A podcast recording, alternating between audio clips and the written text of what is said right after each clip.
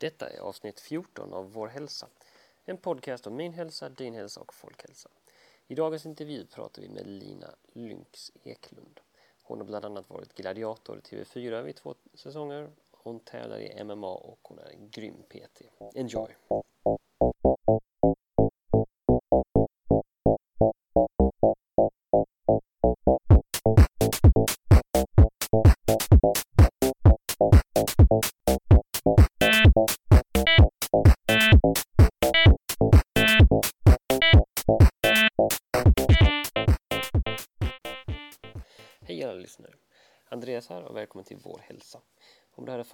Lyssnar så tack för att du testar något nytt och väljer mig. Den här podcasten publicerar nya avsnitt varje måndag och torsdag. Lägg gärna till podcasten till dina favoriter via till exempel iTunes eller Stitcher. Du kan också följa mig på Facebook. Bara sök efter vårhälsa.nu. Dagens inslag sker i samarbete med hälsostil.se den enda förmedlingen du behöver ha koll på om du söker föreläsare inom livsstil och hälsa. Jag fick alltså en liten pratstund med Lina Lynx Eklund förra veckan. De flesta känner henne kanske som gladiatorn Lynx från TV4s Gladiatorerna. Men vi ska gå på djupet och lära känna Lina lite mer. Då så har jag Lina Lynx Eklund på tråden. Och Ja, hej. hon är ju då en, är det före detta gladiator? Eller ligger ja, du kvar i kulisserna? se- Ja, vi får väl se precis. Vi får se Ja. om de vill ha tillbaka mig. Jag har ju varit ähm, eh, mammaledig får man väl säga från det jobbet. Ja. Så får vi se om eh, Lynx kommer tillbaka. Jag kan tänka mig en väldigt spännande produktion att jobba med faktiskt. Fantastiskt roligt. Jätteroligt faktiskt. Så vem är klart.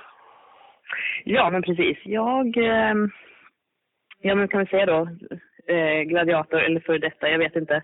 Eh, jag jobbar som PT och eh, eh, är även MMA-proffs. Det är ju en del av mitt jobb också, min egen träning. Eh, och mamma. Det är väl det. ja. Bakgrundsmässigt så har du väl främst hållit på inom, du började inom gymnastiken. Om jag kommer Mm. ihåg rätt. Precis, jag är gymnast. Jag började väldigt tidigt, eh, vid fyra år, på grund av, eller mycket på grund av tror jag väl att min stora syster höll på. Så är det när man är liten liksom. Ja, att eh, då hängde man på där och eh, så det tycker jag väl är min idrottsliga bakgrund helt klart. För jag hållit på många år med det upp i tonåren och eh, gymnastik är ju en sån sport som man eh, eller vad ska man säga, det, det är ju en ganska hård träning. Det är många dagar i veckan och det är eh, ja, elitträning liksom. Så, så det eh, är väl eh, eh, skolad i liksom. Du fick Eh, det är din dedication redan där liksom. Ja, precis. Vilket det är precis det är mycket glad för. För att det ger ju en hel del liksom självdisciplin och ehm,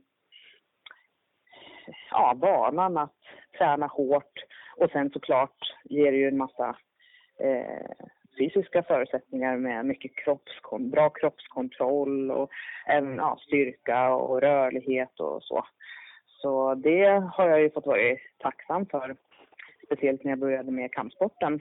Precis. Eh, precis, för det, det, när jag väl började med kampsporten så eh, gick det väldigt snabbt för mig att komma upp liksom och, och börja tävla och så. Och det har jag ju helt klart gymnasti- gymnastiken att tacka för.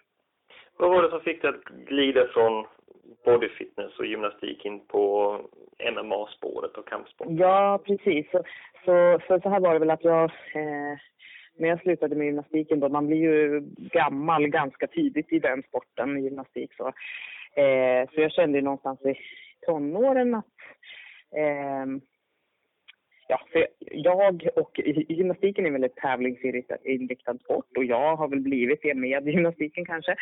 Och kände liksom att nej men nu vill jag eh, satsa på någonting annat. Så jag kom in på fit, eller styrketräning och, eh, och därmed fitness då. Och jag tävlade i fitness i några år men, men jag saknade nog alltid den här eh, ska man säga, tävlings, tävlingsmomentet Mm. som ju liksom finns i många andra ja, alltså gymnastik och så. Där är det ett stort tävlingsmoment och i fitness Precis. så, så gör, utgör, ju, utgörs ju det största arbetet liksom i gymmet fram till tävling och sen så står man ju bara, bara och bara, det är inte så bara, men man står på en scen och, och visar upp det man har eh, skapat liksom. Och eh, det var roligt och så i några år, men jag saknade utmaningen av liksom ett, ett tävlingsmoment och eh, när jag kände det så bestämde jag mig helt enkelt för att lägga av med fitness och jag hade varit eh, lite nyfiken eller vad man ska säga på kampsport. Eh, så ja, jag, ja, jag bara bestämde mig för att, att testa på och, och eh, fastnade direkt. Ja. så. Mm. Visste du redan då att det skulle gå så pass långt som att tävla? Det så? Ja, liksom, precis. Jag har, fått en, ja, men jag har fått den frågan förut och jag tror på något sätt så, som sagt, jag är väldigt eh, tävlingsinriktad och har hållit på med tävlingsidrott i hela mitt liv. Så att på något sätt så var det nog kanske undermedvetet med den tanken jag gick in också. Att kan det här bli någonting som jag kan, kan tävla i? Och eh, jag kände väl ganska snart liksom att jag ville det. Eh, att jag ville testa på det. Och I början så kändes det som en, liksom, en stor utmaning. Och ja, se om man ens klarar av det eller så. Eh, men ganska snart så kände jag väl att eh, min utveckling gick väldigt bra och eh, ja, att jag liksom satte mål på att eh, få tävla som proffs och så vidare. Så eh, ja, jag, jag tror att jag leg- låg nog kanske där redan från början. Var du rädd när du skulle gå in i ringen första gången? Eh, Ja, ja, alltså jo precis. Jag, jag minns faktiskt eh, allra första gången som jag gick en match. Man, man börjar ju, när man är, inte har tävlat, så börjar man med shootfighting. Precis. Och det är ju liksom en lite light version av MMA då. Man får, man har dels, man har benskydd och man har lite tjockare handskar. Och man får inte slå på marken. Annars är det ju alla tekniker och så, men det är lite, vad ska man säga, lite eh, mildare eller så. Mm. Men för en nybörjare så är det fullt tillräckligt att, att handskas med både, liksom, både fysiskt och med tekniker och även mentalt. Liksom. Och jag var absolut nervös och jag minns första gången känslan av att det var på riktigt. För att eh, på träning så tränar man ju faktiskt med träningspartners och kompisar som man liksom litar på och man vet att de vill inte göra mig illa liksom. Eh, Så det minns jag faktiskt att första gången i, match så kände jag liksom att oj då. Eh, hon, hon kommer ju liksom emot mig med världens fart och eh, jag kan ju inte lita på att hon inte ska göra illa mig för det, ja så. Det är lite grann part of the game. Liksom. vad sa du? Det är lite grann part of the game liksom ändå. Ja, och det tror jag, det kan man ju liksom inte riktigt, den känslan kan man inte riktigt förstå förrän man har gått match, tror jag.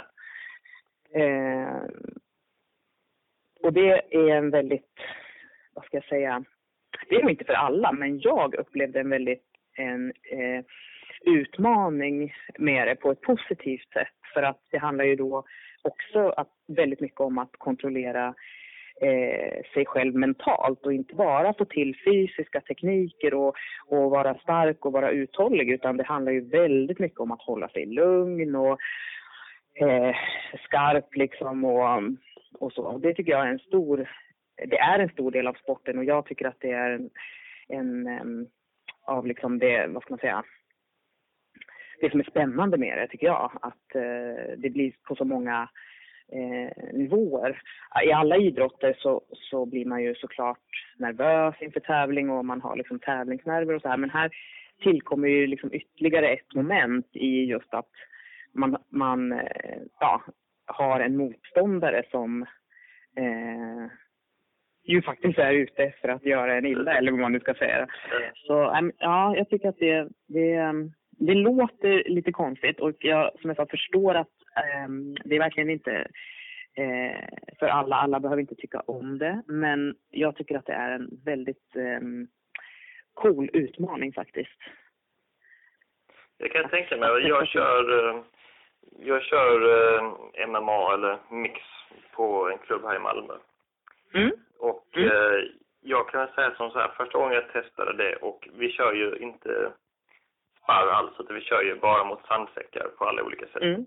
Mm. Och första gången jag la mig ner och skulle dra en säck över mig liksom och Mm. simulera liksom att här ligger en snubbe som ska skada mig och jag skulle köra armbågar i ansiktet så att säga. Ja. slog det mig att det finns människor som frivilligt ligger här, har en människa där uppe som är ute efter att prygla dig. Och jag bara tänkte, shit. Ja. Och så, men jag, jag kunde lite grann få en, för, alltså en minimal förnimmelse av liksom vilka Ja. krafter som går igång i huvudet när man är där. Va? För att jag tror att någonstans så slår det över till någon typ av ren överlevnadsinstinkt fast kontrollerad sådan så att säga. Va? Ja, exakt. Och sen hur kontrollerat det är, det beror ju på hur, hur duktig man själv är att, att kontrollera det. För det är precis det där som du säger som jag brukar förklara, försöka förklara ibland i så här intervjuer eller så. Men det är väldigt svårt att, det är väldigt svårt att förklara den känslan. Men det är precis som du säger, jag upplever också att eh, det är någon typ av liksom primitiv, eh, vi har ju liksom det här eh, fight or flight beteendet Precis. Eh, från liksom grunden finns ju i människan.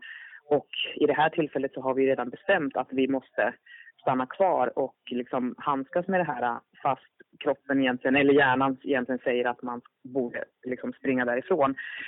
Um, men jag brukar säga det också att det är precis det som, det är därför jag tror att det går inte att förstå den här känslan riktigt förrän man har eh, testat på att eh, tävla i till exempel MMA. Eh, och det som jag tycker är så coolt det är just att eh, man får någon slags eh, primitiv, ehm, eh, ja vad ska jag säga, närvaro. Ja. Eh, för att det, det, eh, det som är så coolt är att man blir extremt eh, skarp om man klarar av den här situationen då. Man, eh, som jag brukar för- försöka förklara liksom att man känner varenda liksom liten cell i, ute i fingertopparna och har full kontroll, förhoppningsvis i alla fall då, på Ja, kroppen. Och oavsett om det sitter liksom tusentals människor i publiken så har man, är man totalt omedveten om liksom, eh, folk som klappar och skriker och slår eh, eh, i bänk, ja, men liksom du vet, vad heter det, ljud från publiken. Och man är inte ens medveten om den här domaren som står inne i buren utan det är, man är liksom fullt, fullt fokus och eh, på den här motståndaren och på sig själv. Och det är liksom någon slags närvaro som jag tror att eh, det går liksom inte att uppnå om man inte försätter sig i den här väldigt extrema situationen och dessutom får liksom lite rädsla i sig. För det har man.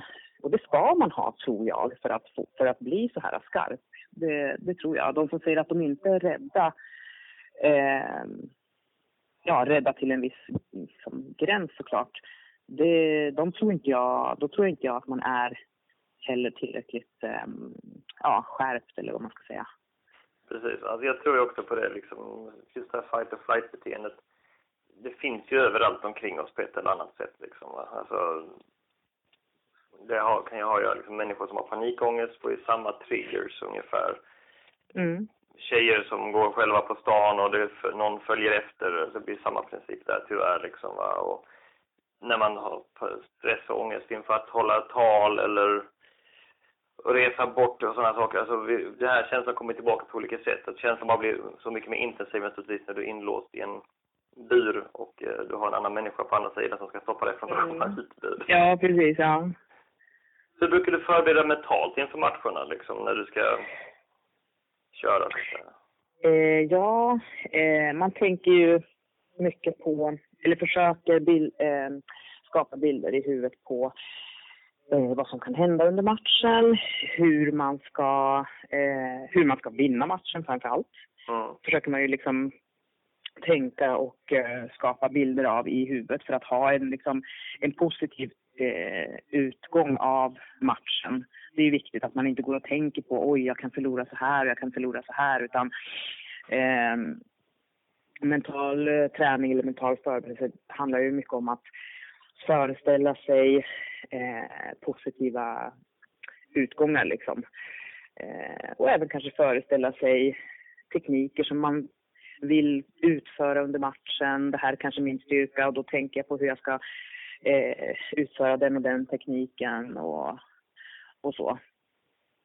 kör ju liksom mycket visualiseringskonceptet då som alla de stora brukar köra liksom. Michael Jordan Ja. brukade ju se sig Mm. själv liksom sätta tre poängare Mm. liksom, när han tränar Mm. sådär liksom. Mm. Jo, men det är ju mycket det. För att eh, går man och tänker på att man kan förlora och kan det och det kan hända och, och så, så är ju risken större att det händer. Så är det ju. Att man hamnar i den situationen. Ehm, sen är det ju såklart så att man måste vara realistisk och eh, vet jag att en motståndare, ja hon är väldigt bra på att sätta armbars, ja men då måste jag ju såklart vara medveten om det och eh, jag, får, jag måste ju tänka på det eh, i form av att jag måste vara duktig på att försvara mig mot det och, och vara medveten om, alltså så.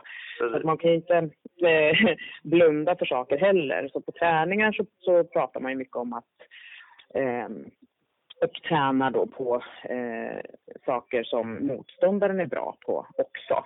Så är det ju såklart. Men då i den mentala biten då tänker man väl kanske på hur jag kommer ur den, det och det greppet som hon är bra på och så. Så ja, det, är- det är liksom eh, se framför sig hur, hur saker och ting och sen matchen i stort då får en positiv eh, utgång liksom. Hur ser dina träningsrutiner ut under vardagarna så här liksom? För jag kan tänka mig att du är en rätt så aktiv person som håller igång rent allmänt både av jobbskäl och av, tänker jag, rent privata skäl för att Mm. så mycket som du tränat och eh, varit engagerad så måste jag nästan, det, det blir något annat än ett jobb. Det blir liksom en livsstil naturligtvis. Ja. Ja, jo men så är det väl att eh, det, som du säger, det, det, det blir ju ens eh, hela liv. Och sen har jag eh, fördelen av att jobba som tränare och PT också så att jag befinner mig ju eh, på ett gym liksom hela dagarna oavsett om jag tränar själv eller om jag tränar andra. Eh, men min träning eh, just nu så har jag eh, om jag inte har match, eh, någon match inbokad så tränar jag eh, eh oftast en gång om dagen. Eh, ja, sex dagar i veckan i alla fall. Mm. Eh, och sen eh, inför match så blir det ju ja, ofta flyttar du in om dagen. och säger skicka maten dit. Förlåt? Då flyttar du in och så säger du skicka maten dit. Ja, nästan så. Eh, nej, men jag, tyck, jag tycker att det, eh, det är viktigt att ha ett liv utanför. Absolut. Man får inte bli liksom helt eh, inlåst i eh, en, även om det är en tävlingssatsning. Jag tycker inte det i alla fall. Jag, jag tror inte på att det är det bästa faktiskt. Eh, men däremot så ökas träningen inför tävling och Precis. eh, ofta så tränar jag två, två gånger om dagen inför tävling och då eh, varierar man ju lite grann, alltså kampsportpass eller fyspass och eh, ja, och det är ju uppdelat lite grann i, i styrka eller kondition. Alltså ju närmare matchdatum datum man kommer så blir ju fysträningen mer och mer inriktad på kondition eh, jämfört med styrka. Precis. Eh, så. Men som jag sa, jag tycker att det är viktigt att man eh, ger tid till familjen och gör saker utanför. Och jag tror heller inte att det är för bra att eh, tänka, alltså den här mentala träningen är ju jättebra men man kan ju heller inte gå runt och tänka på match eh, i, liksom tre månader oavbrutet. Då tror jag att man tröttar ut sig själv och jag tror att det blir en belastning liksom. Så, så det gäller att ha en balansgång. Tro, det, det är vad jag tror på i alla fall. Ja. Tänker du, det är nästan en självbesvarande fråga, men tänker du jättemycket på vad du äter? Eh, både ja och nej. Eh, jag brukar säga så här att när man är, Eh, lever som jag gör, som du sa, det är ju en livsstil liksom. Och jag tänker ju, jag är ju väldigt medveten om vad jag äter. Sen behöver inte det betyda eh, att det alltid är riktigt. jag kan göra valet att jag kan, jag kan välja att nu vill jag äta en pizza och nu vill jag eh, köpa godis eller vad det nu är. Eh, för jag är lite likadan där, att jag tror på att ha en ganska avslappnad syn på både liksom sin träning och eh, sin kost. Sen är det ju så att inför match, ja då måste man ju, eh, då kan man ju till exempel inte äta eh, massa, om man säger då, tomma eh, kalorier. Där, där, ja, därför att det liksom är inte gynnsamt för träningen och, och, så. Men sen så tror jag att det är väldigt bra att till exempel en period efter tävling när man har skött kosten strikt och i kampsport så tävlar man ju i viktklasser vilket betyder att man ofta måste gå ner i vikt inför en match. Och då har man ju skött kosten liksom ännu mer. Förutom att äta nyttigt har man kanske dragit ner kalorier och så vilket tar väldigt mycket eh, ja, energi, helt, ja, mental energi också. Att, att liksom hela tiden eh, äta nyttigt och gå på ett energiunderskott. Och därför så tycker jag att efter en match att unna sig ja, gå ut och äta och unna sig det man är sugen på och så för att inte alltid liksom ha den här pressen på sig själv eh, ja, tror jag på faktiskt. Att man eh, kan slappna av och, och njuta och så. Det tror jag man vinner på eh, i långa loppet faktiskt. Ja. Sen är det de som eh, är liksom superstrikta eh, varje dag, året runt. Eh, men jag tycker inte att man ser heller någon eh, Eh, fördel på det. Snarare att det eh, sliter väldigt mycket på både på kroppen och sen på, um, på psyket och på glädjen i eh, sporten och så vidare. Så ja, jag tycker att man, man ska kunna äta familjemiddagar, gå ut och äta och som sagt unna sig det, någonting man är sugen på. Eh, så länge man är medveten om eh, vad det innehåller och hur mycket kanske kalorier det ger och så, så, så kan man ju alltid liksom har man, har man medvetenheten och kunskapen så, eh, ja, så tycker jag att det är helt okej okay, liksom. Ja. Jag är nog samma mynt där liksom. Alltså, alltså mitt, mitt fokus när jag jobbar liksom med att informera om kost och hälsa och sådana här saker, det handlar inte så mycket om att säga åt folk vad de ska göra, utan det handlar om att människor ska kunna göra ett informerat val mm. från kunskap mm. och sen så får de liksom fatta sina egna beslut. Liksom. Det har aldrig någonsin Exakt. fungerat med skrämselpropaganda eller med så här ska du göra egentligen. Liksom.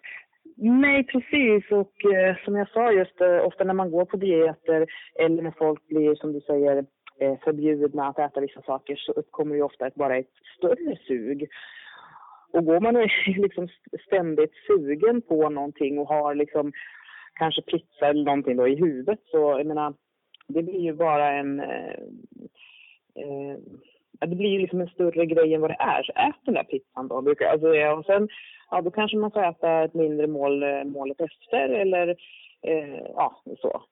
Man kan alltid hantera det liksom. På något sätt. Ja, det, alltid, det, det farligaste är ju liksom när man tar beslutet att äta pizza och sen inte gör någonting för att kontra det liksom. Det är där någonstans och så gör ja. man det hela tiden. Då har man och så gör man det hela tiden, precis. Eh, så är det ju. Eh, och jag är likadan som, som du säger, jag, med mina kunder så, så brukar jag också liksom, jag vill ge dem eh, information och hjälpmedel att, att kunna ehm, eh, vad ska man säga, eh, anpassa sin kost själv och kunna uppskatta, ja nu har jag ätit ungefär så här mycket, Eh, så middagen får bli lite mindre eller tvärtom. Att, ja, men liksom så att man, kan man, kan man liksom, eller har man, får man den kunskapen själv så, så gör man ju också oftast bättre eh, val. Liksom. Eller man har i alla fall möjligheten att göra ett medvetet val att äta mm, fler kalorier än vad man bör eller färre. Eller, eller precis, ja. Och, och då bestämmer man ju själv om man vill gå upp eller ner i vikt eller så. Lite grann så är det faktiskt. Ja. När du deltog som gladiator, tränade du mycket annorlunda och åt annorlunda då kontra nu? Eller var det samma business as usual mer eller mindre? Ja, för mig var det väldigt eh, som vanligt, eller man ska säga. För jag eh, var ju verkligen mitt i eh, tävlings... Eh, cirkusen eller vad man ska säga då. Jag eh, körde någon match eh, bara några månader efter vi hade haft inspelning och eh, för mig så eh, var liksom inspelningarna, så självklart så är det en jätte, jätterolig grej och, och ett bra jobb liksom, med gladiatorerna. Eh, men eh, jag kan inte säga att jag liksom, eh, ja vad ska man säga, eh, nej, det, det var nog mitt, mitt, vanliga liv, eller vad jag ska säga. Jag åt som jag brukade för att eh, kunna träna hårt och eh, saken är också med de här inspelningarna, vad folk, eller vissa inte vet i alla fall, det är ju att, att eh, vi spelar ju in då 12 avsnitt på i princip två veckor. Ja, okej. Eh, vilket gör att eh, man kan ju inte hålla på och dieta och eh, för det är väldigt intensiva dagar med hårt arbete. Folk tycker också att, och jag tycker, jag vet också att det ser, jag kan säga så här, det ser mycket lättare ut på TV än vad det är. det är mycket jobb, jobbigare och tuffare och, och så i verkligheten. Och um, som sagt, eftersom att vi då som är gladiatorer, de som utmanarna, de har ju liksom spelar in sitt program, ett program tar ungefär en halv dag. Ja. Ehm, och då jobbar de under en halv dag, presterar en massa grenar och sen så får ju de vila i en vecka eller två veckor om de går vidare då. Ehm, vi jobbar ju liksom i princip från åtta på morgonen till nästan till tolv på kvällen eh, under de här två veckorna. Så det är väldigt intensiva dagar för att kunna spela in alla program. Så vi möter ju liksom vi kör ju flera grenar varje dag och ibland kan man känna så när folk liksom tycker att det så, ser så lätt ut och sitter och, och uh, kommenterar i tv-soffan. Då vet de inte om att vi kanske har jobbat i liksom tio dagar i sträck då vid det laget Precis. och uh, Ja, är ganska liksom, trötta. när man har sett någon gladiator så här fumla och här, Ja. ah, någon eh, halkar liksom. eh, Ja, Och sen ja. bara, ah men herregud. Och så, Ja. Det är som du säger, har de då hållit på liksom sen åtta på morgonen, klockan är fyra. ja. Det bästa kan Och det... det- bli ganska slut där liksom. Precis, jag brukar liksom säga det. Eh, och det är klart, det är... det är eh, ja, vi ska, ju, vi ska ju sköta oss ändå, men det är faktiskt så att eh, det är väldigt eh, långa dagar. Jätteroliga dagar, absolut. Jätterolig, eh, liksom, roliga två veckor. Men ehm, eh, eftersom att det är också, det är ju, då kommer vi tillbaka till det här med tävlingsmomentet liksom. Så man får ju lite, lite pirr i magen varje gång och du vet sådär. Och det är mycket publik och det är tv-kameror. Så det är klart att det, eh, vet, varje gång man får den här lilla, liksom, lilla adrenalinkicken så blir man ju väldigt trött också efteråt. Ja. Och så gör man en gren och sen får man gå in bak, liksom, eh, backstage och så får man eh, vila kanske en timme men sen kanske det är dags igen. Och, och liksom eh, de här, eh, ja du vet, adrenalinkickarna de tar så man är ganska slut förutom då att man liksom, man arbetar ju fysiskt. Måste värma upp inför varje gren och du vet sådär. Så att, eh, ja det, det är ett hårt jobb. Mycket Ja, hårdare än vad folk tror. Mm. Och så har man den här utmanaren som gör allt de kan för att inte. Ja, precis. De, för de, är ju, de kör ju ett program och de kör ju all in, 100 procent. De Mm. tar i allt vad de har. Vilket betyder också att vi måste ju göra det också. Eh, så att, eh, det, det, är- Det är det är ett mycket hårdare jobb än vad, ja, än vad folk Ja. tror. Vad tycker du verkar vara samhällets största hälsoutmaning idag när du ser dig omkring? Liksom? Du har ju, dels har du Mm. en insikt från gymnast, gymnastikvärlden och bodyfitness och MMA. Liksom. Mm. Du har ju säkert sett Mm. ett annat. Vad, vad är det som du känner är samhällets stora utmaning idag? Liksom? Alltså, ehm, jag tror väl eh, dels, eh, dels det här- med kroppsideal såklart. Men det tycker jag att det pratar ju folk väldigt mycket om idag och jag tycker att idealen börjar ju ändras från att eh, vara smal och liksom utmärglad till att ehm, eh, Eh, det är faktiskt ganska coolt att vara vältränad idag vilket är mycket nyttigare eller hälsosammare, ett hälsosammare ideal.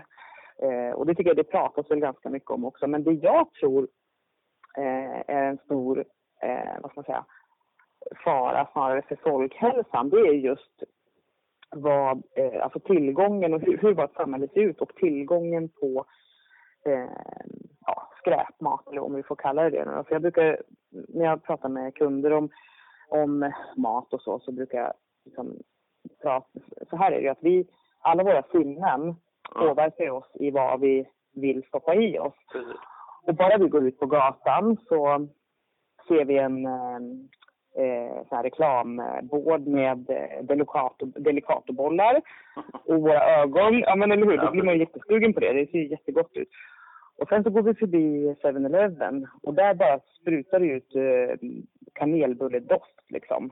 Då blir man ju jättesugen på kanelbulle.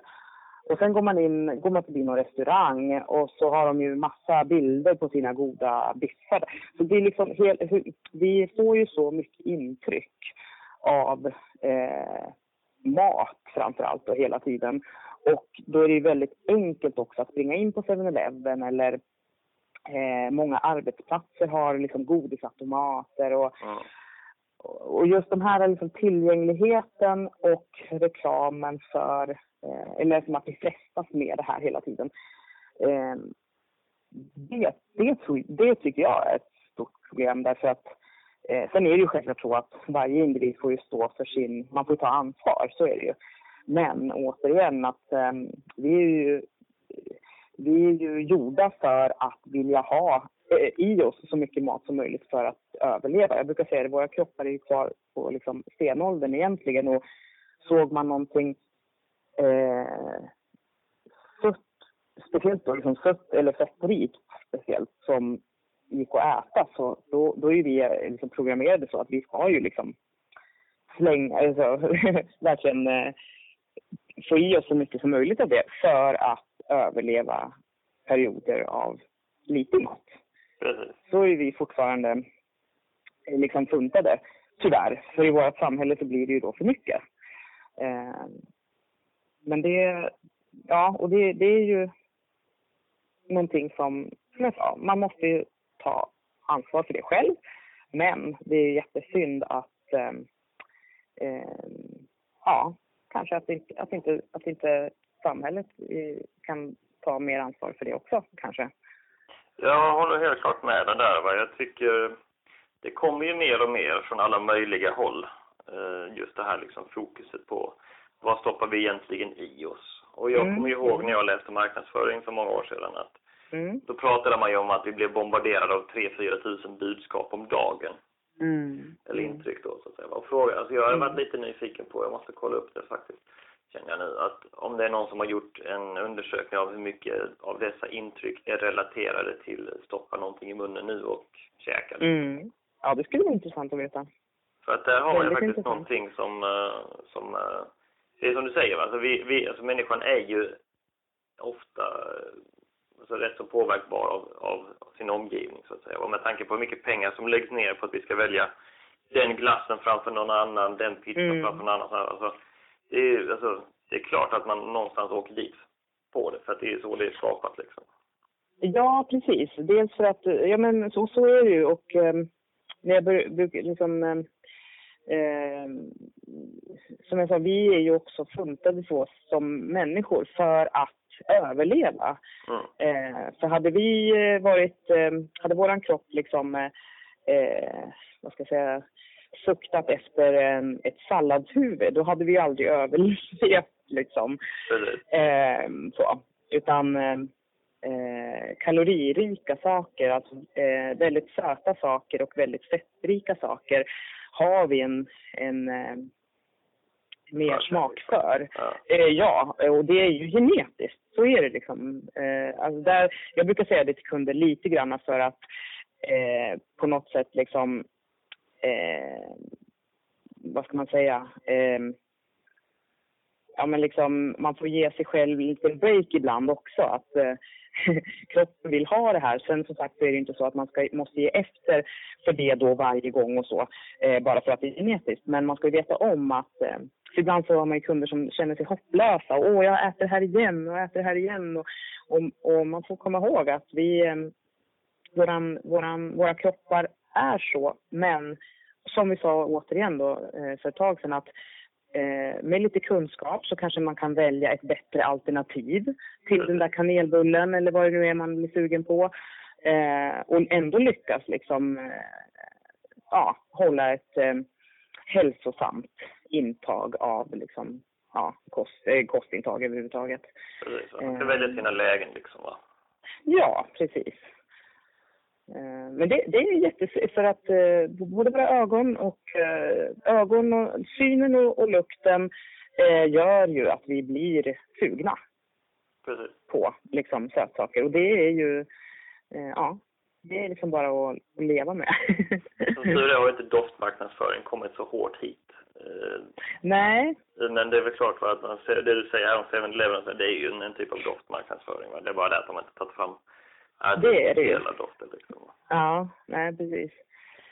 Ja, Nej, Men då har vi lite utmaningar att jobba med, helt klart. Där. va. ja, så, ja men så är det.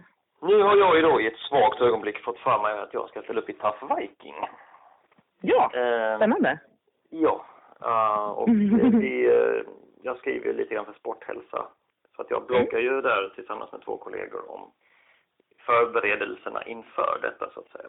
Okej. Då tänkte jag passa på här. Har du några tips till mig som PT och eh, allmän träningsnött? Eh, Ja, vad borde jag Alltså- tänka på i mina förberedelser? Ja, precis.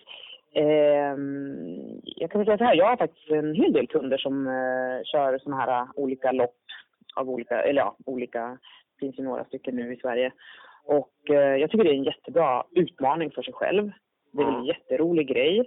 Ehm, tips, eh, jag vet ju liksom inte riktigt vad, vart du är i din träning och dina eh, styrkor eller svagheter, men generellt så, så tycker väl jag att man ska Eh, vilken, eh, vad är det för, eh, vad heter det, distans förresten på? 10 kilometer. Jag kommer köra De är lite olika. Just det, okej. ja, ja. Nej, men framförallt då så är det ju att ha en bra kondition. Att ha en kondition för 10 kilometer, tycker jag. Mm. Sen är det ju så att eh, det försvåras ju såklart av de här hindren. Men eh, det blir ett väldigt tufft lopp om man inte orkar springa hindren. det. Ja, men precis. Eh, så det tycker jag är, är A och O. Och sen såklart, eh, jag brukar säga så här oavsett vad det handlar om, att man ska träna på, man ska träna på det man vill bli bra på. Man ska träna på det man ska tävla i. Och då är det ju att försöka eh, efterlikna kanske de här hindren.